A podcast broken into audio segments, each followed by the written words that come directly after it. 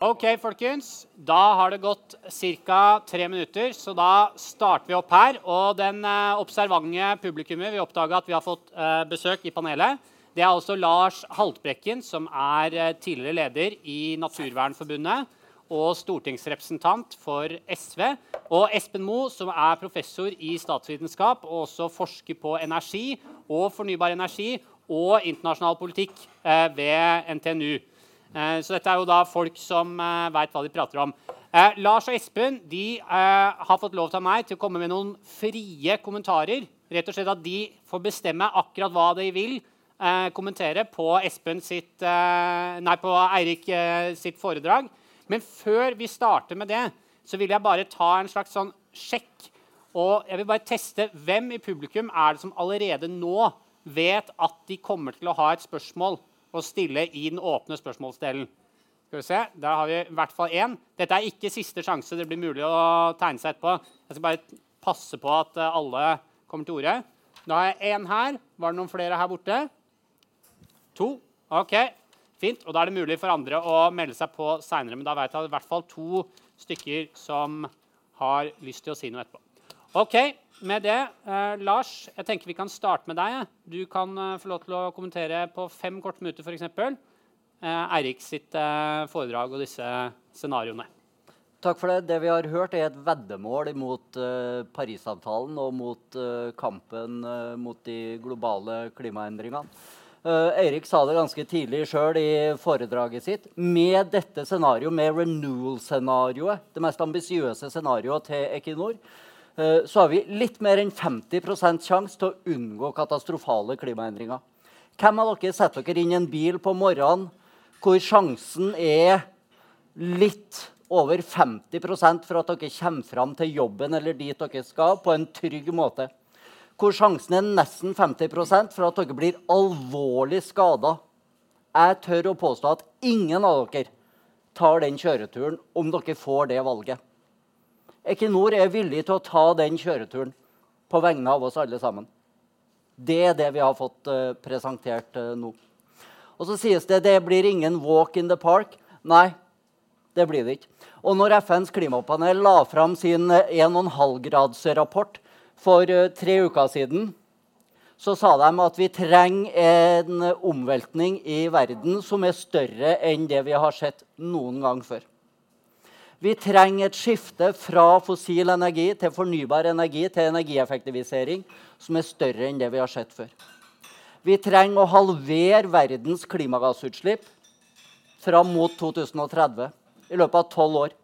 I den perioden så ønsker Equinor at det norske Stortinget og at parlamenter rundt omkring ellers i uh, verden skal sette i gang nye olje- og gassfelt for produksjon og som kommer til å produsere i tiår etter tiår framover, og som kommer til å levere store utslipp av klimagasser til atmosfæren i en tid hvor utslippene først skal halveres, og så være null.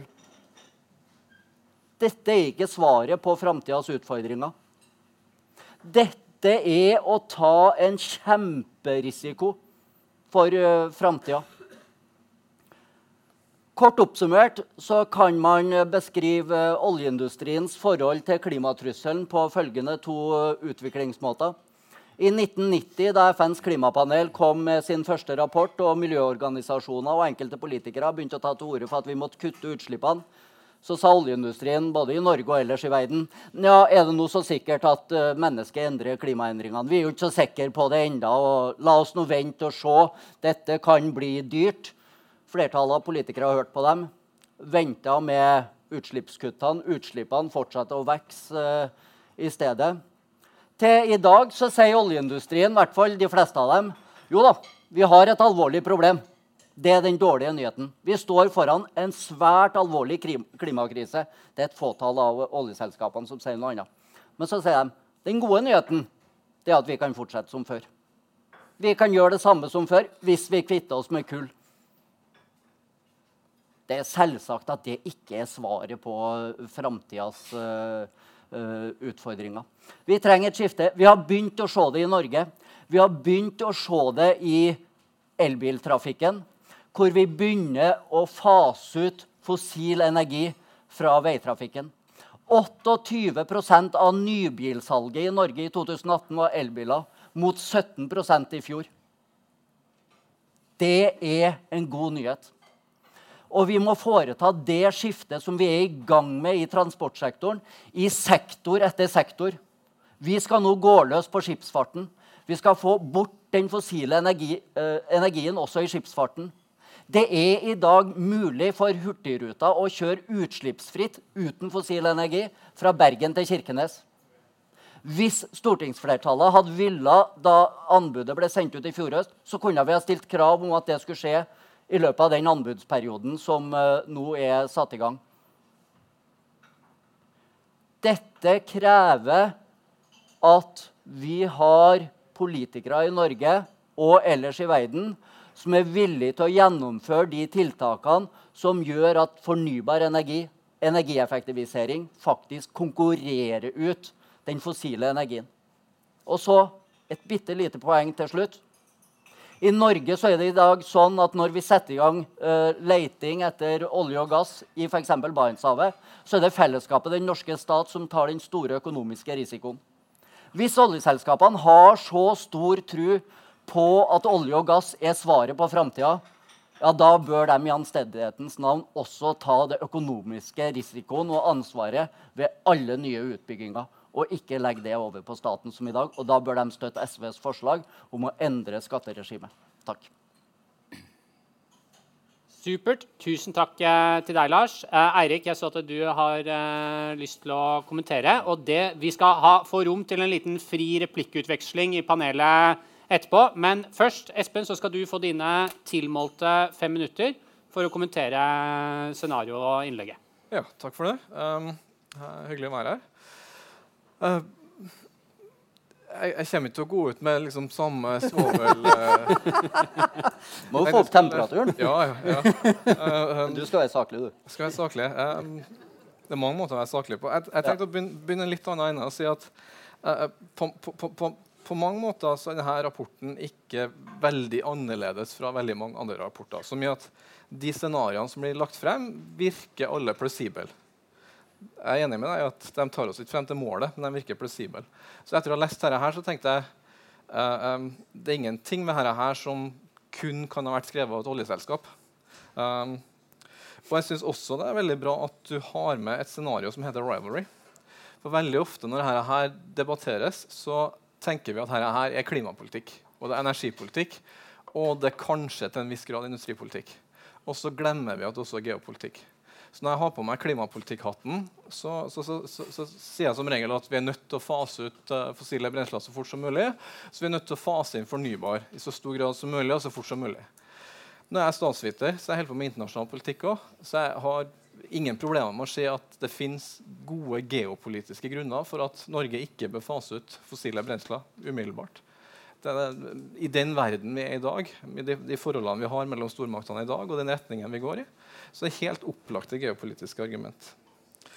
Skal jeg fortsette å være kanskje klimapolitisk litt kjettersk og si at det er ikke det Equinor gjør som oljeselskap, som spiller størst rolle, for det er i stor grad styrt av uh, klima, nei, styrt av uh, tilbud, uh, tilbud, og etterspørsel på internasjonale markeder.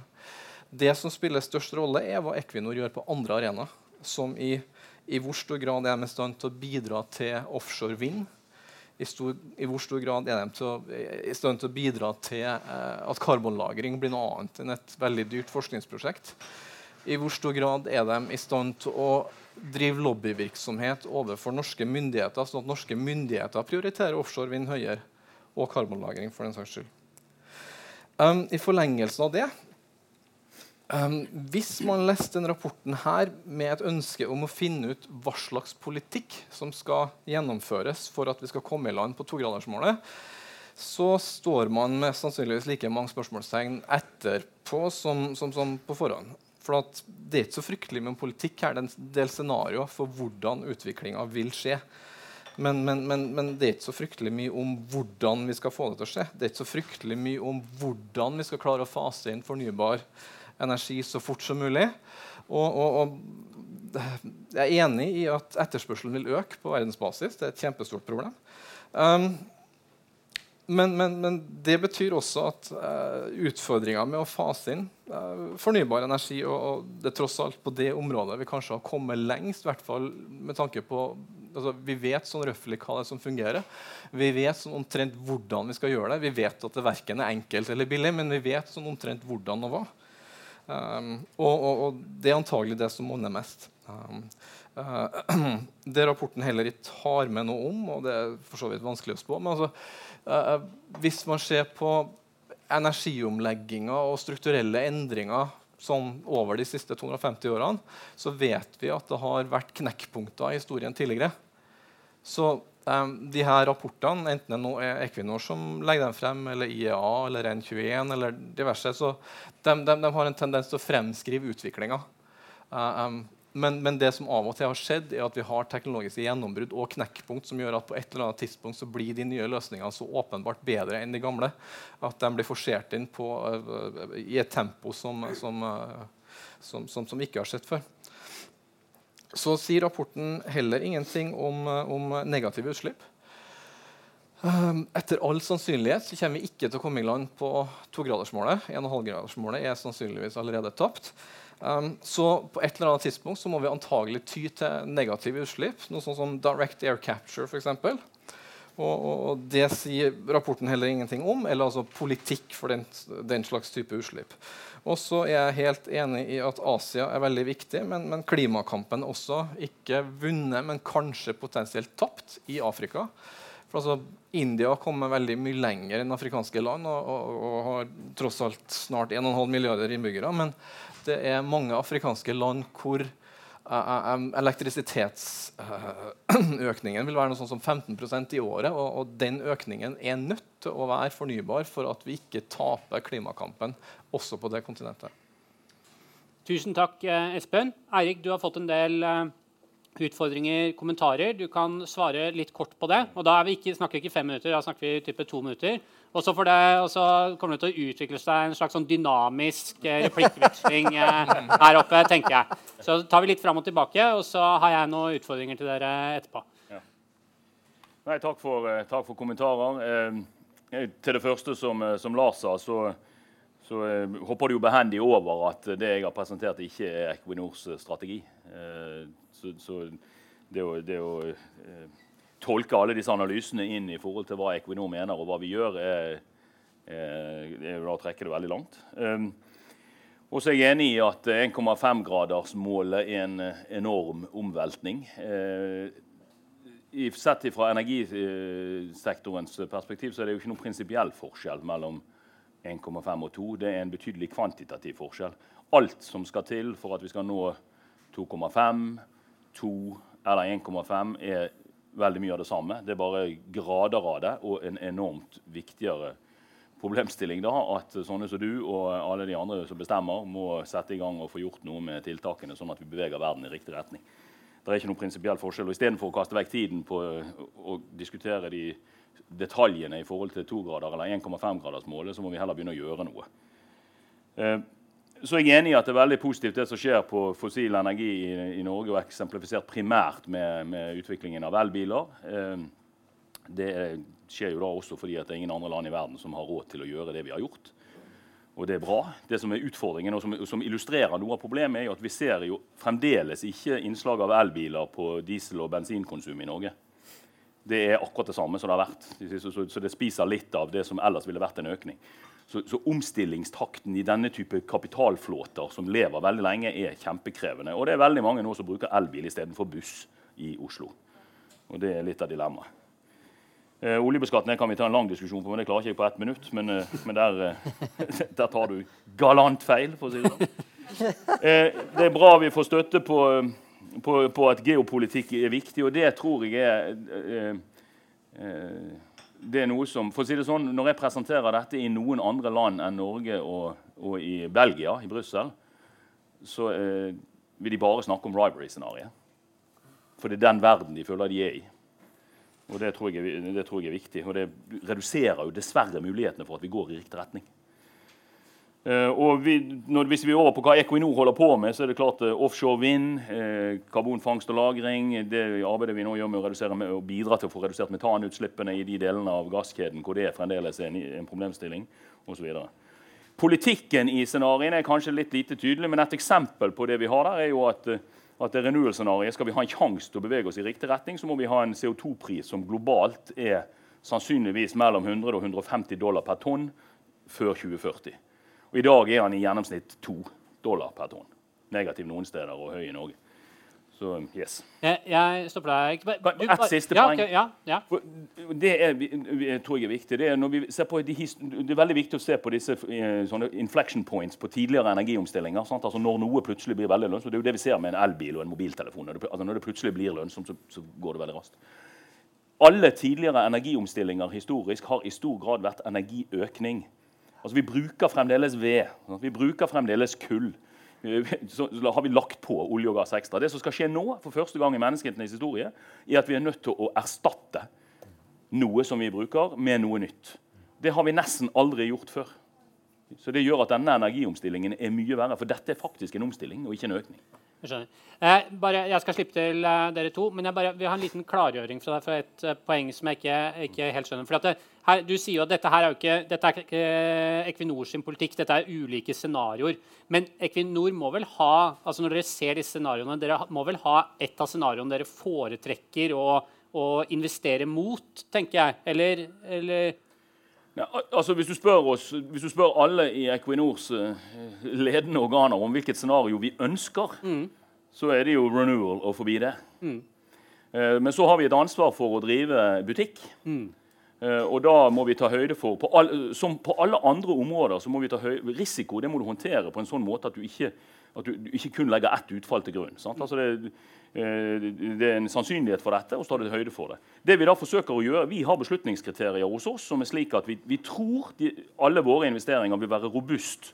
Dvs. Si overleve økonomisk, uavhengig av hvilket scenario vi kommer i. Det betyr f.eks. at vi har, vi har mye sterkere krav til lønnsomheten i et prosjekt enn det vi egentlig tror om oljeprisen. Den må være lønnsom på mye lavere oljepriser. Vi, uh, vi, bygger installasjoner som skal, som skal tåle ulike utfall, uh, enten det gjelder karbonprising. Sant? Vi legger til grunn en karbonpris overalt i hele verden, selv om det ikke fins. Og vi har installasjoner som skal, som skal, tåle usikre utfall også når det gjelder vær. Mm. Altså, ja, jeg, jeg, jeg, skjønner. Så, så, så, ja, poenget er å være robust ja. til ulike utfall, mm. uh, til ulike typer politikk. Og så tar man jo feil innimellom. Altså, og politisk usikkerhet. Altså Når vi går inn og investerer i et land som Argentina, og så får du valutakurskrasj fire måneder etterpå. Mener, det er også en type ting du må være robust for. Ok, ja, men Takk for, takk for klarering, Eirik. Lars, og så Espen, eh, kort kommentar. Ja, først en kommentar til at dette ikke er deres eh, strategi som dere styrer etter. Eh, greit nok det, men jeg tror nok at når dere har lagt ned såpass mye arbeid i dette, så skjeler dere til disse scenarioene uh, når dere driver den konkrete dag-til-dag-politikken i Norge uh, og ellers i verden. Dere henter deres argumentasjon fra disse, men så sier dere men uh, det er ikke vår politikk, så vi driver litt ansvarsfraskrivelse fra det vi har presentert, og at vi bare har 50% sjanse for å nå klimamålene osv. Men jeg vil jo tro at dere dere, bruker, dere henter noe inspirasjon, dere henter noen argumenter fra disse rapportene. Uh, og så sier du at uh, det er ikke alle land i verden som har råd til å gjøre det Norge har gjort på elbilpolitikken. Uh, og med det, bevisst eller ubevisst, kanskje ubevisst, altså, så er du med på å underbygge at elbilpolitikken har kosta Norge enormt mye penger. Uh, og vi fikk jo for litt siden presentert tall som viser at uh, den norske stat har i dag ca. 25 milliarder uh, mindre i inntekter fra engangsavgift fra bilsalget. Og så etterlater man et inntrykk av at dette er elbilens skyld. Nei, hovedsakelig så er det fossilbilen som har nytt godt av de avgiftslettelsene. Fordi det aller meste av det reduserte inntektene på 25 milliarder har kommet av at folk har kjøpt øh, fossilbiler med litt lavere øh, utslipp. Men den engangsavgiften som Norge har hatt, og som vi fortsatt har, er jo det viktigste virkemidlet vårt for å vri øh, bilparken. Og så skal jeg skryte av Equinor. Det rakk ikke jeg i sted. jeg skal si uh, to ting som er bra. Jeg syns at det offshore vindprosjektet som dere har presentert, er skikkelig spennende. Veldig bra. vi vil jobbe for at det skal bli realisert. Og vi har lagt fram et forslag i Stortinget også på hvordan det faktisk kan eh, bli finansiert. Og så er selvfølgelig det arbeidet som gjøres på CO2-fangst og -lagring, helt avgjørende for at vi skal lykkes i klimakampen. Espen, da vil jeg ha en kommentar fra deg. Og så skal vi ta og slippe til publikum. Er det nå noen flere som vet at de har tenkt å tegne seg? Så sleng en hånd i været. Okay, Da har jeg talerlista mi klar. Espen? Bare én? Kan jeg få to kommentarer? den, den, første kommentaren var det her med, med, med, med uh, denne energiomlegginga. Du har helt rett i at den er mye, mer, det er mye vanskeligere enn tidligere. Um, det her er en sånn energiomlegging hvor med mindre alle vinner, så taper alle. For 200 år siden så kunne Storbritannia være først på kull og være enerådende på kull. og Det var kjempebra for Storbritannia mm. og synd for resten. Men verden som helhet hadde ikke noen sånne kjempestore konsekvenser som følge av det.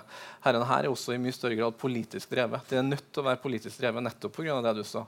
Vi erstatter ikke noe gammelt og uh, fullstendig avleggs med noe som er opplagt bedre. Det er opplagt bedre i en klimapolitisk forstand, men ikke i en energipolitisk forstand. Det andre kommentaren jeg hadde, var om elbilpolitikken. Altså, du sa, du snakka om karbonpris, og, der har jeg en liten sånn uh, Det snakkes veldig mye om karbonpris fra økonomer. Um, men, men og, mens økonomer ofte gjerne også vil si at elbilpolitikken i Norge har vært veldig lite effektiv.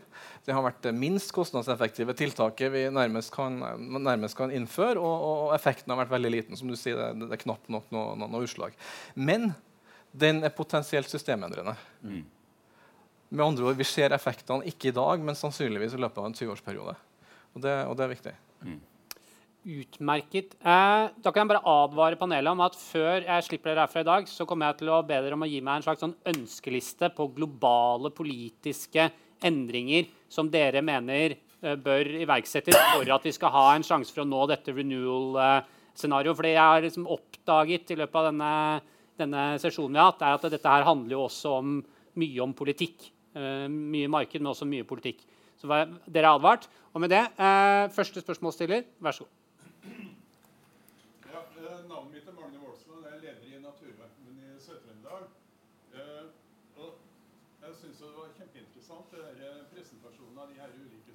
Det gjelder utviklingsforventa, eller hva vi kan tro. Det som jeg syns er dramatisk, er jo at det her er et 30-årsperspektiv. Og jeg hadde hatt interesse å se hva var det hvis det var et 15-årsperspektiv. Fordi at det, du ser jo sjøl at det er dramatiske investeringer som kan gjøres. Og alle investeringene har et klimaavtrykk. Det betyr jo at denne kurva for det klimaavtrykket kan jo bli ganske dramatisk de nærmeste 10-15 årene. Og så har en et 30-årsperspektiv, og så er det mulig at vi på en måte kommer i pluss opp 30. Men det som har skjedd de 15 årene før, det kan bli ganske stygt. Og da kan vi ha passert både det som klimarapporten presenterer, og for så vidt uh, hele elendigheten. Og da tenker jeg sånn I Norge, veksten på 2,7% eller 2% sånn globalt sett, og omsette den i Norge som forventa greie, det betyr jo egentlig òg at uh, Altså Det som bør skje i Norge, er jo primært at vi bør redusere veksten. Gjerne egentlig på en måte ha negativ vekst fordi at forbruket er enormt. Og vi kan redusere forbruket uten at det egentlig går på verken levestandard eller. Og Da skal jeg bare nevne litt sånn, eh, to eksempler. Hva i all verden, Hvorfor skal vi subsidiere solkraft i Norge når det egentlig dramatiske er at vi burde ha subsidiert det i Afrika og India? Altså Her erstatter vi norsk vannkraft med klimaavtrykk er kanskje en fjerdedel eller en tredjedel av det solkrafta representerer i Norge. Det andre er elbil. Der syns jeg Lars er altfor uh, romantisk når det gjelder elbil. Kjøper vi elbiler, så er vi kanskje kjører 20-30 mer enn vi ellers ville ha gjort. Legger vi litt klimakritisk leie på å fortsette å bruke fossilbilen, så kanskje vi kjører litt mindre pga. klimabevissthet. Det betyr at jeg kan kjøre fossilbilen min i kanskje mer enn 20 år før klimaavtrykket mitt er like stort som om jeg hadde kjøpt en ny elbil. Og da har vi passert de her 15-åra og 20-åra. Ja. Korte svar på det. Eirik, eh, du starter. Ja, altså, altså For det første så er det, er det jo veldig viktig det som du sier, at det som skjer de neste årene, både med investeringer, med fortsatt utslipp, med politikk, vil ha stor betydning for sannsynligheten for at vi når klimamål. Eh, I rapporten så har vi også vist en sensitivitet på dette renewal-scenarioet som illustrerer på en måte hva skal til hvis vi nå går langs reformbanen til 2025, og så våkner vi opp, og så skjer det et eller annet. Og Da må utslippene dramatisk mye raskere ned, og det gjør det da utrolig mye vanskeligere å få til. Og Det er det samme med de investeringene som, gjør, som skal gjøres nå. Altså De må gjøres så effektivt og klimavennlig som mulig i seg sjøl for ikke å bidra til å akkumulere eller til at CO2-konsentrasjonen øker mer enn den burde. Negativ vekst er utrolig vanskelig. Lav økono lav, det går ikke an å styre. Lav økonomisk vekst, Vi har mye lavere økonomisk vekst i, i Norge som et eksempel i gjennomsnitt fra 2050 enn de 2,7 globalt. Det har vi bl.a. fordi befolkningen ikke vokser. og på samme måte som, så det, å, det å skulle ønske seg negativ vekst det vil jeg, ikke, jeg vil ikke ønske det på vegne av neste, neste generasjon som sitter rundt oss nå, og som håper at de skal ha, skal ha gode jobber og skal kunne ja, de, ungdommene som sitter rundt meg nå, som er generasjonen etter meg Eh, jeg, jeg, jeg, vil, jeg kommer ikke til å, til å bli en advokat for, for eh, negativ vekst.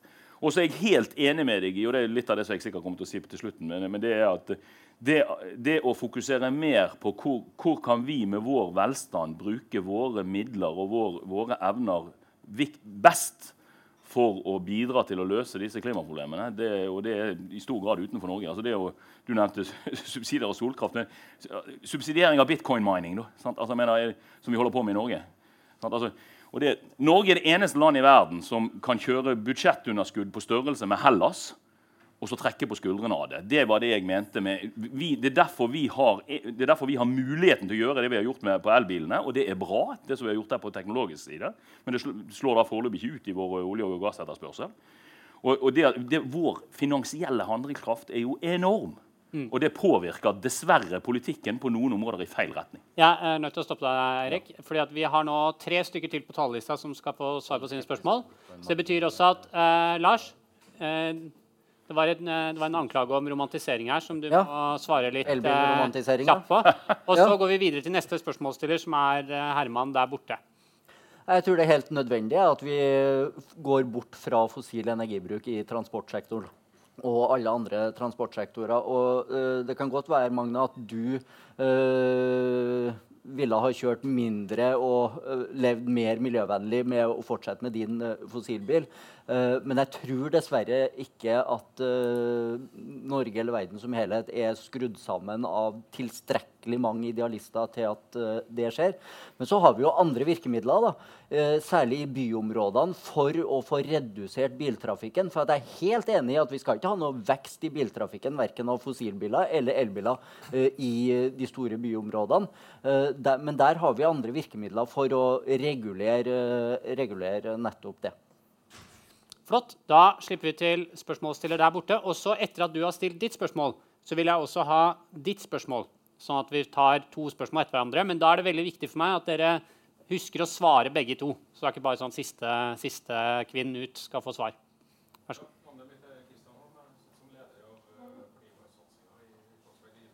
Snakker du litt høyere, vær? Hvor var du leder i fornybarsatsinga i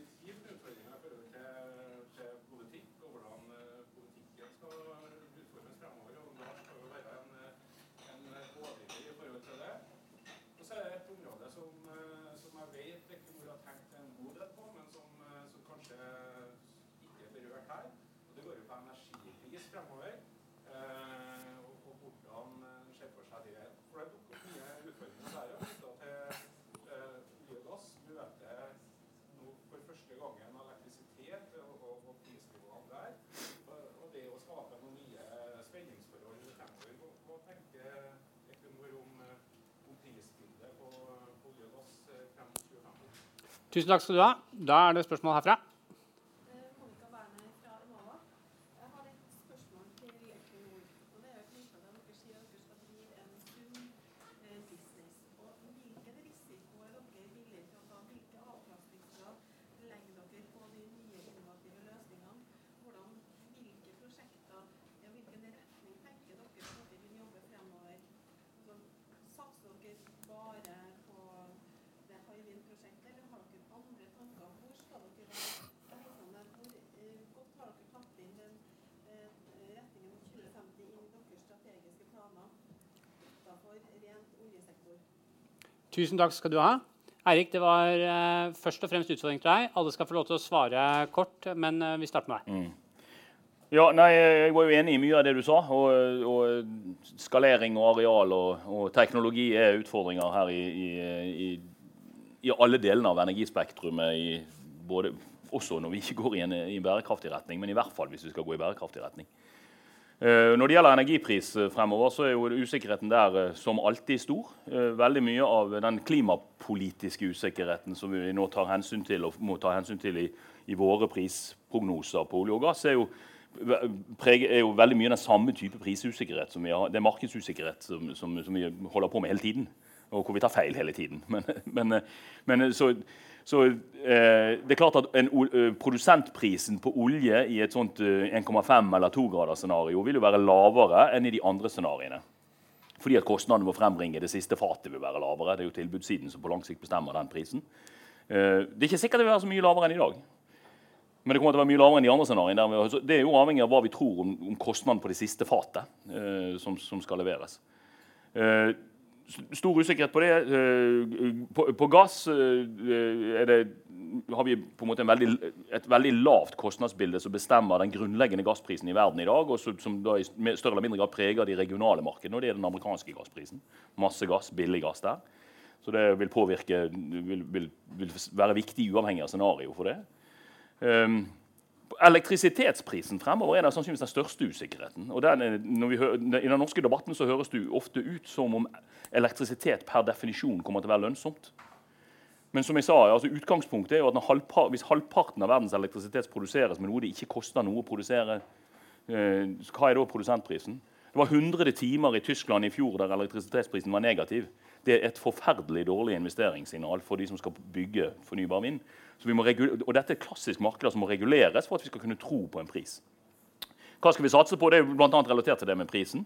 Men det vi ser på nå er jo, vi må satse der vi tror vi har konkurransemessig fortrinn eh, i forhold til mange andre. Det er offshore vind. Så gjør vi bets eller veddemål på forskjellige ting. Vi har sol i, i Brasil. Eh, vi, kommer få, vi kommer til å få både vind og sol i, i, i Argentina, sannsynligvis. Vi, vi har masse ventureaktiviteter der vi tester ulike deler og investerer i og, og får frem ting som er i ulike deler av dette spektrumet. Enten det er batterier, eller det er ladestasjoner eller, eller digitale systemer som overvåker dette. Vi skulle gjerne hatt mange flere prosjekter. Altså, det, det som er En av utfordringene med ny fornybar nå, er at prosjekttilgangen er altfor sakte. og Spesielt i de land der de trenger elektrisitet. Det vi holder på med nå, er jo stort sett å erstatte elektrisitet i Europa med noe annet i land vi er godt kjent med, og der det kommer en sånn jevn flyt av prosjekter. Det, internasjonale oljeselskaper vi nødt, og energiselskaper vi er nødt til å investere i ny fornybar energi i land som trenger elektrisitet, enten vi snakker om Afrika, Brasil, India osv. Der er risikoforhold, politikk, korrupsjon faktorer som vi må ta hensyn til, og som senker farten. Og Det er altfor lite prosjekter tilgang, på tilgang til det. Så det er, det, som, det er litt av utfordringen. Utmerket. Espen, korte kommentarer. Jeg har ikke så fryktelig med kommentarer til de to siste. Nei, Um, men da, da kan du spare den til neste mann. An- Annet enn at det er u-landsproblematikken er ekstremt viktig. Mm. Um, og der står vi overfor problemer på infrastruktur. Altså, det, er ikke bare, det er ikke bare solceller og vindmøller, men det er infrastruktur som i, i, i, gridlines. Mm. Hva heter det på norsk igjen? Nettverk. Nett, ja. Eller nett. Ja, det er veldig interessant. Jeg har en, eh, jeg har en venn som driver sånn småskala, prøver å utvikle sånn småskala solceller for landsbyer i Afrika. Og har ansatt folk. Og det han har måttet gjøre, er at han måtte opprette operasjoner i to land. Sånn at når det blir problemer pga. korrupsjon og ting blir stengt ned, så kan han flytte arbeidsstokken til det andre landet. Sånn at han ikke mister kompetansen. Ikke? Altså det, er, det er sånne utfordringer. Du kan tenke deg. Det, det, ja, det er ikke bare bare. Unnskyld, det var en digresjon. Lars? Eh, Ta spørsmål fra salen. Ja, spørsmål fra salen. Da er det siste spørsmål. Ja. Jeg heter Asbjørn Karlsen, kommer fra NTNU og driver og forsker litt på offshore vind. Og jeg syns det er veldig spennende det med at Norge har mulighet gjennom våre erfaringer i maritime operasjoner eh, til havs, eh, shipping, men også olje og gass, kan omsettes. Altså vi har infrastruktur, nettverk som kan brukes innenfor offshore vind. Og interessant da at uh, Equinor er veldig delaktig i Storbritannia, i Tyskland, og nå eh, med flytende vind. Eh, Hywind 2 i Tyskland, og det er det med Hywind Tampen i en norsk sammenheng. Eh, eh, og her, akkurat her ser jeg et, eh, et mulighetspotensial som kanskje vi ikke bruker nok. Altså. Og da tenker jeg litt i lys av erfaringer fra Danmark og Tyskland, som har blitt pionerland. De har hatt eh, subsidieordninger som har uh, skaffa rask vekst av parker, men òg som eh, teknologiutviklinga. De er pionerland gjennom å ha demonstrasjonsanlegg, pilotanlegg. Og nå er det et, et momentum, ser jeg, for Norge. Og da blir det litt smått, gjør nå. Altså, hva, Kan du formulere utfordringen i et spørsmål? ja, hva om du får til et samarbeid mellom oljeselskap, Equinor og leverandørindustrien, der staten setter rammebetingelser for en storstilt demonstrasjonsanlegg for å utvikle norsk teknologi så vi blir et pionerland? Skjer, skjer de mulighetene i det her? Ja, altså, I stor grad så er det jo det som eh, foregår, og det er jo det som er den viktigste industripolitiske begrunnelsen for Hywind-prosjektet. Flytende, flytende vindmøller på Tampen. Hywind Tampen. Eh, og Det er jo et samarbeid mellom leverandørindustrier det skal, og, og oljeselskapene. Hvis skje, hvis, og hvis det skal skje, så må myndighetene inn. altså Enova er et eksempel på en aktør som må inn. Eh, potensialet for det er jo ikke etter min vurdering at vi skal produsere så mye mer offshore elektrisitet i Norge. nødvendigvis. Men potensialet er at den teknologien kan brukes i land der de trenger offshore vind og hjerneflytende, som et eksempel i Japan. Og der de alternativet deres er kullfyrt elektrisitet eller atomkraft som de ønsker å fjase ut. I Norge har vi 100 fornybar elektrisitet. eh, Og, vi og, vi, og, og det begrenser hvor mye mer vi skal produsere i Norge, fordi det koster også å flytte elektrisiteten. Men det den, det, dette skjer Leverandørindustrien vår er Norges nest største eksportnæring. både på olje og gass. De kommer til å bli stor på, på, på ny fornybar hvis vi lykkes med dette. Eh, en av grunnene til at du syns det kan, kan gå sakte, er jo å huske på at Norge, det er ingen arbeidsledige nesten i Norge. Vi er fullt opptatt med jobbene våre, alle mann. Enten vi jobber i oljesektoren eller i, i offentlig sektor, i helsevesenet eller på universitetene. Det å, det å skaffe nye hjerner til å gjøre veldig mye ny aktivitet veldig raskt er krevende. Så, vi, så må vi holde på det med, med det vi kan, og så får vi håpe at vi kan eksportere deler av denne teknologien ut. Og så er det jo bra at danskene og tyskerne òg har noe å holde på med. Vi skal jo ikke løse alle verdens problemer. Men det vi, i hvert fall skal, det vi i hvert fall skal gjøre, er å bruke det som jeg håper vi kan gjøre, er å bruke vår velstand til å løse ting mer effektivt enn det vi gjør hvis vi bare fokuserer på vår egen navle. Stopper deg der. Eh, Lars, du kan få lov til å svare på det her. Men jeg vet at du har det litt travelt i dag. Ja. Så du kan også gå Du svarer det spørsmålet, og så starter du runden vår med å løse komme med ønskelista på hvilke ja. politiske endringer du mener må på plass. Og da skjønner vi at det blir litt stikkordsform, selvfølgelig. Og så gjør vi det samme med deg etterpå, Espen, at du får kommentere på siste, og så starter du med ønskelista di. Og da tror jeg at øh, For du har jo Parisavtalen og alt dette, ikke sant, som er egentlig litt lite forpliktende. Men det å få til en avtale mellom en del land uh, hvor man fordeler litt ansvar uh, For jeg tror heller ikke, uh, som du Erik sier, vi skal ikke løse alle verdens problem. Nei, det, det mener jeg ikke.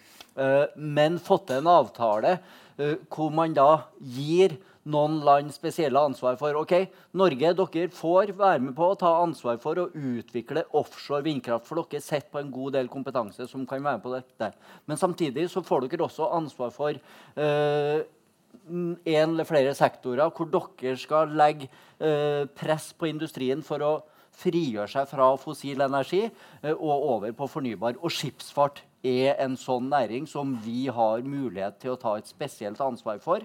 Både med den uh, kompetansen vi har fra oljeindustrien, den kompetansen vi har fra, uh, fra skipsfarten uh, ellers.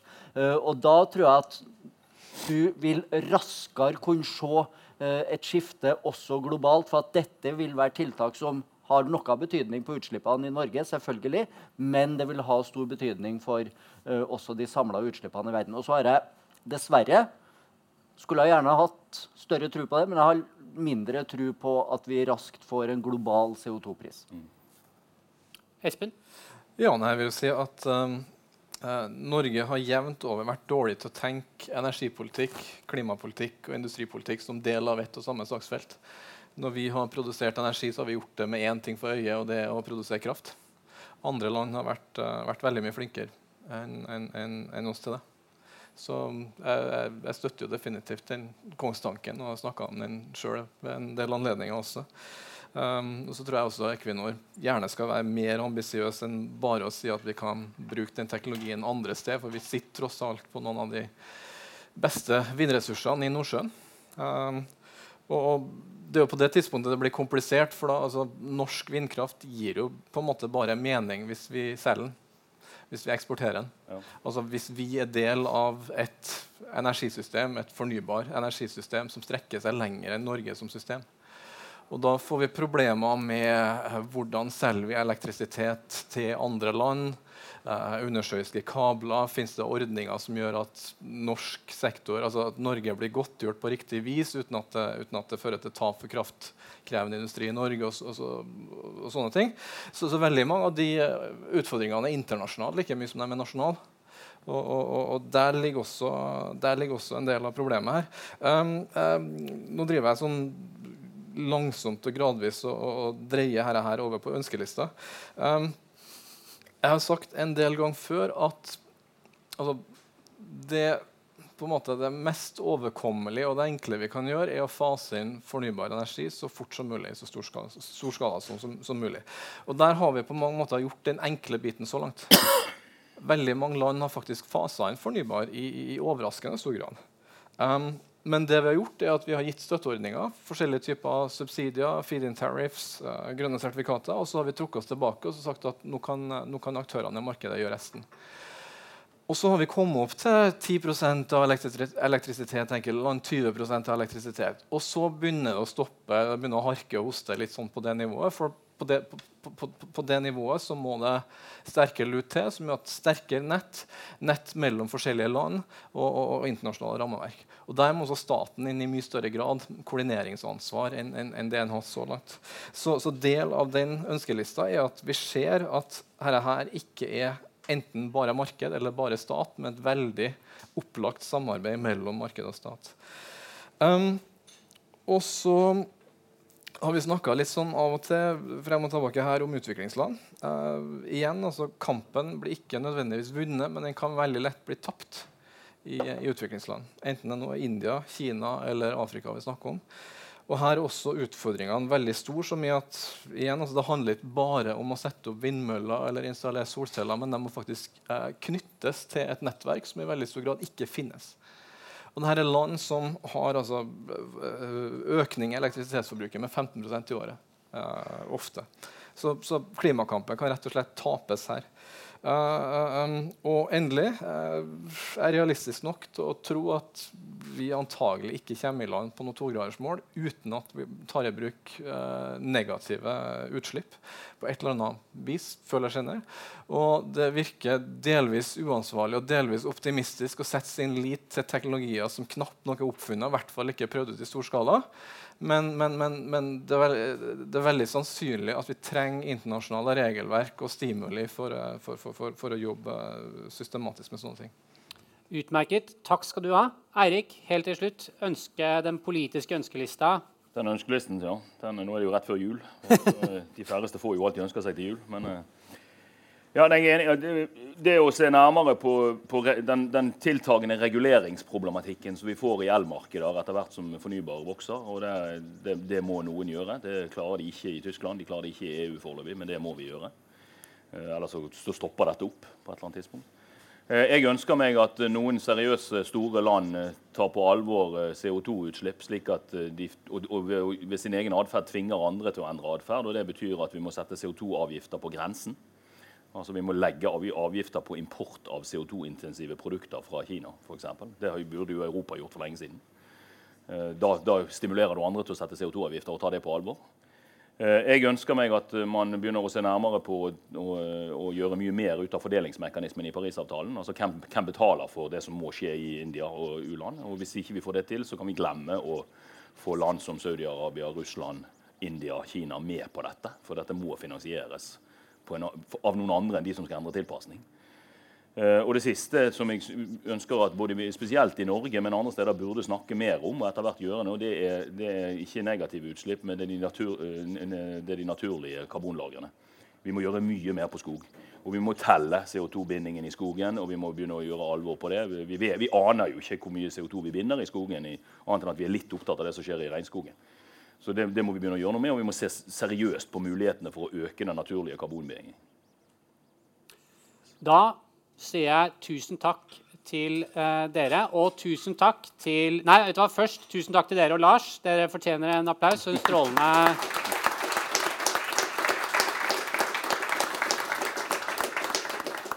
Så vil jeg si tusen takk til publikum som kom her. Det var kjempegøy at det er så mange som eh, hadde anledning til å komme på et uh, frokostmøte. Jeg tror alltid at det er sånn det, Hvem er det som dukker opp på møter om morgenen? Men det er åpenbart en masse folk. Dere. Står tidlig opp i Trondheim. Ja.